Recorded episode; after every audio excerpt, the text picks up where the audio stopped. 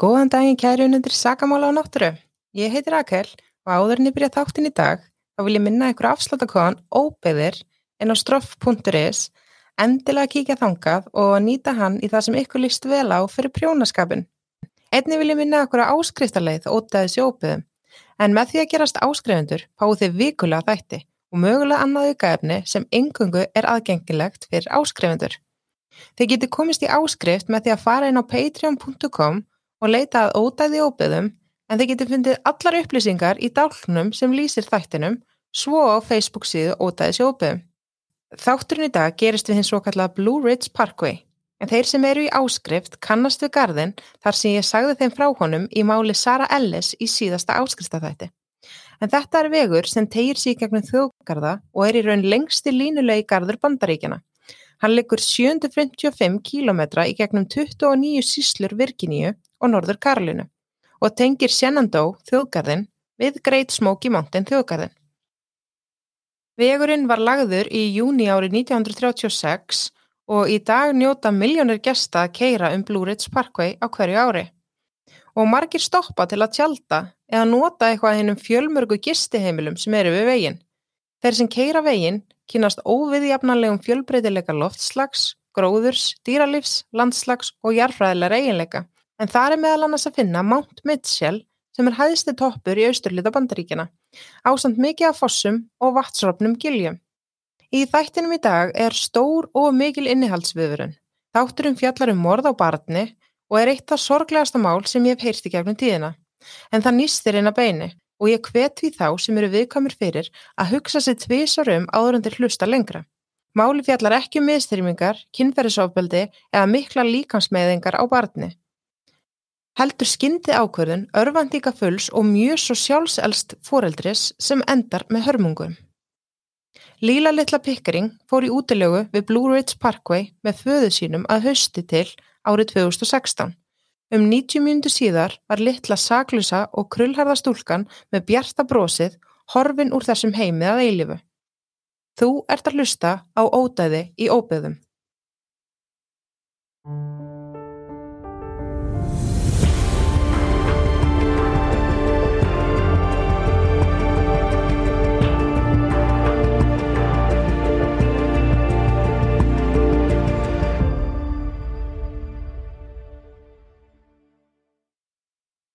Hinn 36 ára gamli fyrrum hermaður Seth Willis Pickering og Ashley Pickering áttu saman fallega stúlku sem var umlega 6 ára árið 2016 og hétt Lila Marie Pickering en hún var fætt 1. oktober árið 2009.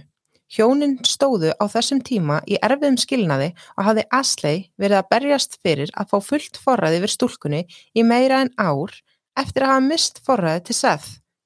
Ástæðan fyrir því að hún misti forræðið var að árið 2015 sótti Seth um og fjekk nálgunabann á Ashley eftir að hafa haldið því fram að hún hafi hóta bæðið sér og barninu. Ashley sagði þetta algjör af vittlesu en ákvæði millitíðinni að flytja til Buncombe í norður Káralinu þar sem fjölskyldan bjó nú og aftur til Flórida þar sem fjölskyldan hafi búið áður. En Líla litla fættist þar. Ashley barðist stöðugt frá Flórida við að fá Líla aftur til sín en það var í kjölfari á þessu atviki sem félagsmála yfirvöld hófið að fylgjast náum með málum fjölskyldurinnar. Asli viðkendi samt sem áður að þó þau væri að standa í íldeilum og erfiðu skilnaði að Seth Pickering væri ástriðu fulli fadir dóttur sem dáði hann. Að sögn hennar elskaði líla pappasinn svo mikið, hún hoppaði kjöldu hans og brosti og hló og var svo glöð þegar hann kjælt á henni og leik, leik sér við hana. Helbriðis og mannþjónustudelt í Buncombe síslu endaði þó með að taka Líla líka frá föður sínum en það var í ágúst árið 2016 og kom henni í kjölfarið fórsjá tímabundina umsjónumanna sem byggur nálagt Johnston grunnskólanum sem Líla litla gekk í en umsjónumennir voru foreldrar bekkjafélag hennar úr skólanum. Í Norður Karolínu er bóðið upp á að vista vanrækt eða misnótu börn í ýmsum aðstöðum. Allt frá heimilum löggildra fósturfóreldra til tímabundinar vistunar hjá ættingum eða fullornum sem börnin þekkja. Tímabundnir forraðamenn á þeim bráðavistunum sem í bóði eru þurfa ekki leifi til að taka að sér badnið en verða hins vegar að uppfylla skilirið sem gefa til kynna að þeir vilji og geti synd umunum sinni á barninu. Oftast er reynd að koma barninu fyrir meðal ættinga eða kunningja þar sem rannsóknir hafa sínt að börnum sem hafa þurft að þóla misnótkun eða ofbeldi vegnar oftast best hjá þeim sem þau þekkja og vita að þau geti treyst. Dabil, Amma Líla og móður Asli saðist hafa áfríðarti domstóla í Flórida um að fá tímabundi forræði við barnabarni sínu eftir að Seth Pickering sóttu um nálgunabann gegn Asli. Henni var hafnað vegna ríkislína og lögsöguvandamóla, svona computer says no dæmi. En ástæðan fyrir því að hún var tekin af föðu sínum uh, var vegna þess að hann hafi slegið konu sem ekki er nána tilgrindum hver sé en einnig var hann sagður eiga við áfengis og fíknivanda sem hann neytaði ekki fyrir. Þegar félagsráðgjafa reyndu að meta öryggi Líla Pickering á heimili föðu síns, rættu þeir við nokkra aðila sem þekkja til Seth. Þar á meðal fulltrúa á Veterans Affair læknastöðinni í Aswell, þar sem Seth Pickering hafi verið lagður inn í meðferð þennan sama mánuð í ágúst 2016. Og meða við það töldu félagsráðgjafar aðstæður Líla á heimili föður síns ekki viðunandi og hún var í hættilegum aðstæðum ef hún yrði ekki fjarlægð.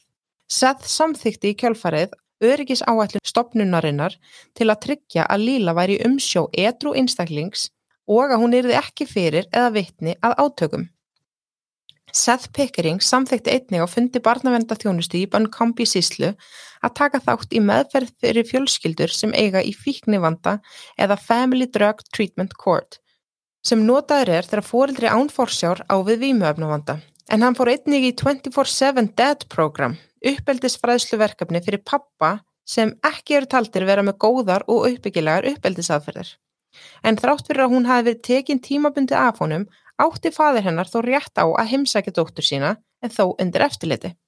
Það var svo förstu daginn 9. september sem Seth Pickering sótti dóttur sína um klukkan 5.20 af heimil umsjónumanna hennar þar sem hún hafi dvali hjá í rúman mánuð. Hann hlóð henni og dóti þeirra í gullitan Dodds afengarinn sinn og fór með henni í útilegu með fram Blue Ridge Parkway nálagt Brevard Road. Hann gerði þetta þó gegn andmælum forraðamannina sem sögðu við hann að ef hann tæki hana myndi hann verða sendur í fangilsi og missa dóttur sína alfarið. Hann hlustaði þó ekki og eftir að hann var farin ringdu þau félagsráðgjafa sem hekuð ekki við að láta lauruglustjóran í Bankambi síslu vita sem í kjölfari undirbjósi strax við að senda út svokallaða Amber tilkynningu í fréttinnar en AMBER stendur fyrir America's Missing Broadcast Emergency Response og var búið til sem arfleith hinnar nýja ára gömlu Amber Hagerman sem var rænt árið 1996 og hún myrst á hróttafengin hátt þegar hún hjólaði heimabæð sínum í Arlington, Texas. Nokkrum klukkustundum áður en Seth rændi dóttur sinni að heimil umsjónumannina hafði Asley móður stúlkunar spjallaði starfsmann barnavendaþjónustennar í Bankombi síslu sem fullvisaði hana um að allt gengi vel og að Líla væri hafmyggisum og heilbreyð og á frábæri heimili og þeir ætlaði að vinna því að koma henni til móðu sennar í Flórida. Rétt fyrir klukkan 7 þetta sama kvöld sáu tveir þjóðgarsverðir, Seth Pickering og dóttur hans vera að koma sér fyrir á ólögluru tjaldsvæði við veginn. Þeir vissu ekkert um að stúlkan var í leifisleysi með föðu sínum. Þar sem Amber fréttatilkynningin, hún var ekki komin í lofti á þessum tíma. Þeir fylgdust með hvernig Seth var að færa dót úr bílnum með líla litla á eftir sér og því næst horfðu þeir á Seth kveiki eld. Þeir ákveða að láta til skara skriða og eiga orð við Seth þar sem hann var augljóslega ekki að fylgja settum reglum varðandi tjaldsvæði og öryggi. En þessi tilraun þjóðgarsvarðana til að nálgast Seth og Líla fór því miður ræðilega úrskeiðis. Þegar þeir komu nær heyrðu þeir Seth Pickering öskra að dóttu sinni að hafa ekki áhyggjur Hann myndi aðstofa hana þar löggan færi. Og þar með vissi þjóðgarsverðinir að Seth hafi komið auga á þá. Þeir stoppuðu um 8 metra frá Seth Pickering, kynntu sig og sögðu hvernig hafið þið það í kvöld? Seth svaraði að yfirvegun að þau höfðu það fínt og voru hendur hans niður með hliðum líkamanns, greinilega tómar. Eina ástæðan fyrir því að þjóðgarsverðinir voru mættir á svæðið var sem fyrr segir að þeir vildu veita Seth tiltal vegna ólöglags varðelds. Seth hefur hins vegar haldið að þeir varu komnir vegna þess að hann hefði tekið líla. Seth gaf þjóðgarsverunum því ekki færi á að komast lengra og fyrirvara laust sá annar þjóðgarsvarana Seth Pickering snúa sér í burtu frá þeim og reyfa sér snögt í áttadóttu sinni sem stóð nokkrum skrefum fyrir aftan hann. Þvínast heyrði þjóðgarsverðunin lítið högg og í kjölfarið smá skræk koma frá lílulitlu og sá hana síðan falla til jarðar. Hún hafi verið stungin í gegnum hjartað af sínum eigin föður, þjóðgasverðurinn trúði ekki sínum eigin augun og spurði Seth hvort hann hafi í alvörni stungið hana. Þeir sáu svo stúlkuna liggja með hníf úr brjósti sínu og dróðu því næst byrsu sínar úr slíðum og handjórnuði föðurinn. Í kjölfæri gerðu þeir árangusleusar tilröðnir til að endurlifka barnið. Líla litla lést á vettfangi, mánuði fyrir sjö ára ámælistæðin hennar. Seth Pickering saði síðan þjóðgarsverðunum Hann hafi myrt dóttu sína svo enginn geti tekið hana frá honum. Hann sagði þeim að tíu mínúndum áður hann þeir mættu hefði Líla beðið hann um að lofa sér að hún erði aldrei tekin af honum aftur. Þegar hann sá þjóðgarsverðin að koma, vissi hann að hún erði tekin af honum og í stað þess að Líla litla þurfti að gráta það kvöld og segja pappi, ég vil koma heim, sagðist hann að var ákveðið að drepa hana til að hlýfa henni við kvölinni að vera án hans. Klukkan tvö um nóttina fekk móðir Líla símtall sem hún mun sent gleima. Á henni línunni var lauruglumæður sem spurði hvort hún hétti Asli Pickering, eiginkona Seth Willis Pickering og móðir Líla Mari Pickering og svaraði hún einfallega já. Lauruglumæðurinn hjælta áfram og sagði það er með mikillir sorg sem ég tilkynni þér að dóttir þín er látin og Seth hefur verið handtekinn fyrir morðið á henni. Hún trúði ekki sínum eigin eirum. Hún brotnaði neður þegar hún saði laurulumannum að hún og Seth væri að skilja vegna þess að hann hafi verið ofbildisfullur í hennar garð og hún væri að vinna í því að koma Líla aftur til sín. Líla átt að vera í öryggiskeslu og hún skildi það reynlega ekki hvernig hann komst nálagt henni og hvað ákvað að teki hana með sér í ferðalag. Þetta hefði verið 15 mánuða ferli sem endaði með þessari hryllilegu martruð.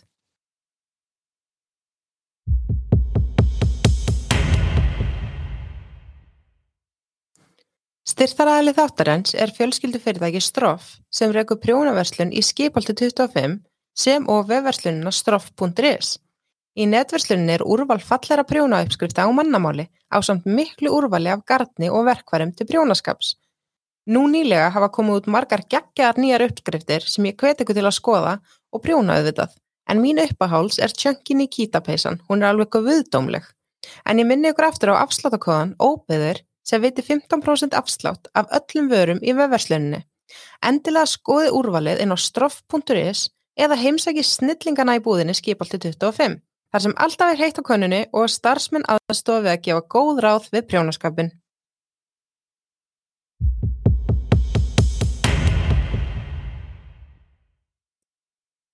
Þar sem morði átti sér stað á þjóðgarðsgrundu fór FBI með rannsók málsins. Þeir lokuðu Blue Ridge Parkway milli Brevard og Hendersonville og unni á vettfangi og söpnuði sönnunagögnum þar til snemma á lögatars morgun. Haldinn var minningavaka til að fagna lífi líla litlu í bænum Asheville sem staðsutur er nálagt staðnum sem hún var myrt á, sem á skólanum sem hún gekk í, Johnston Elementary School. Markmið með vögunni var að fagna lífi hennar og heðra minningu. Móður hennar myndist hennar gegnum tárin sem stúlkunar sem myndi fara upp að hverjum sem er til að tala. Við kölluðum hana litla björgunasveitamannin Því ef einhver datt og myndi sig á leikvellinum færi hún strax til að hjálpa og svo vildi hún líka vera dýralæknir. Ég átti hana og hún var fullkomin. Hún var glöð og höst. Hún var algjörlega falleg. Hún er algjörlega falleg, er haft eftir móður hennar. Seth Pickering játaði viðverðherslur að hafa myrt dóttur sína og var hann ákjörðu fyrir morð af fyrstu gráðu og var hún um skipaði lögfræðingur þar sem hann hafði ekki efna á eigin lögfræðing, þar sem hann var atvinnulegs með mánaðatekjur örorku upp á tæpar 90.000 íslenskar króna og nýtti matamiða til að fá afslátt af matavörum. Andrew Murray, bandarísku dómsmálalagfræðingur í vestur hlutar Norður Karolínu, sagði eftir að Seth hafi viðkent sig segan um morðið. Við vottum fjölskyldu líla okkar innilegustu samúð. Engar aðgerðir refsiréttakerfisins geta sefa sársöka eða missi þeirra.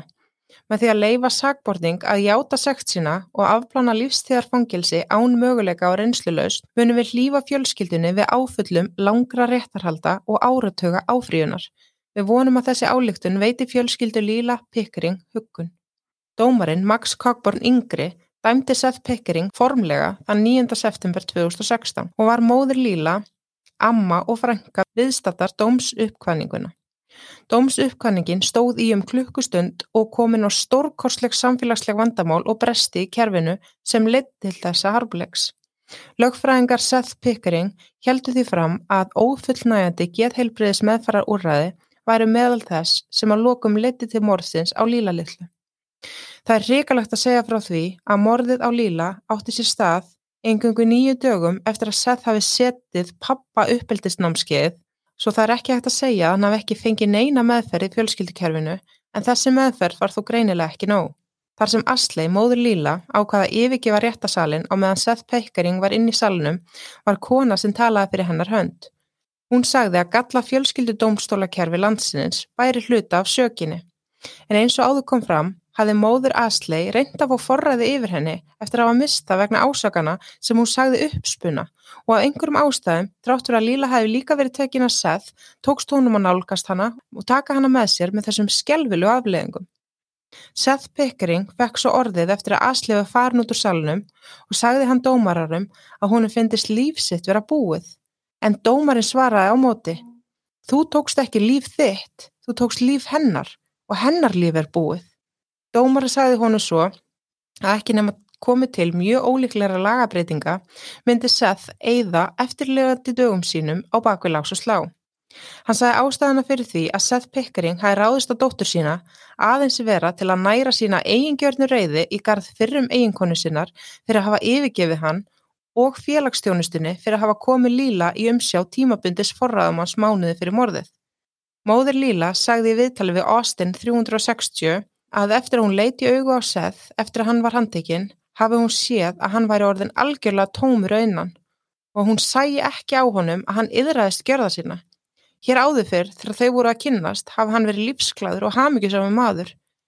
Þetta var það sem braut hjarta hennar kom mest að átta sig á því og hún var í raun og veru alveg sama hvað hann hafi gert.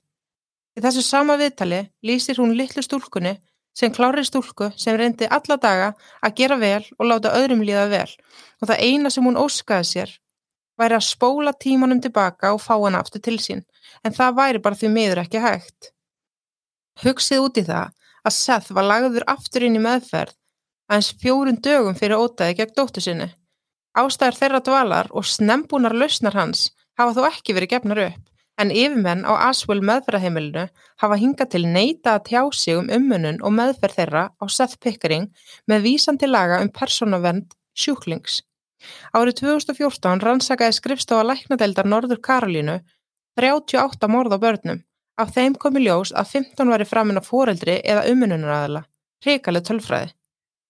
Þegar dauði eða alvarleg meðsli barns leiða til saka ber barnaverðar yfirvöldum í fylkinu að gefa út samantækt um samskipti þeirra við börn í þeirra umsjá að höfðu samráði við saksáknara. Þessi ofinbæra byrting gagna var lögbundin árið 1999 eftir að þrjú börn voru myrt á stuttu tímabili og allir skortun og upplýsingum reyði það sem liti var á að það væri verið að skjóta skildi yfir trúnaði umfram ábyrð. Líkásleifar Líla voru sendar aftur til móður hennar í Flórida og voru brendar og var ætlinin að dreifa öskunni í Mexikóflóa vegna þess að Líla elskaði vatn.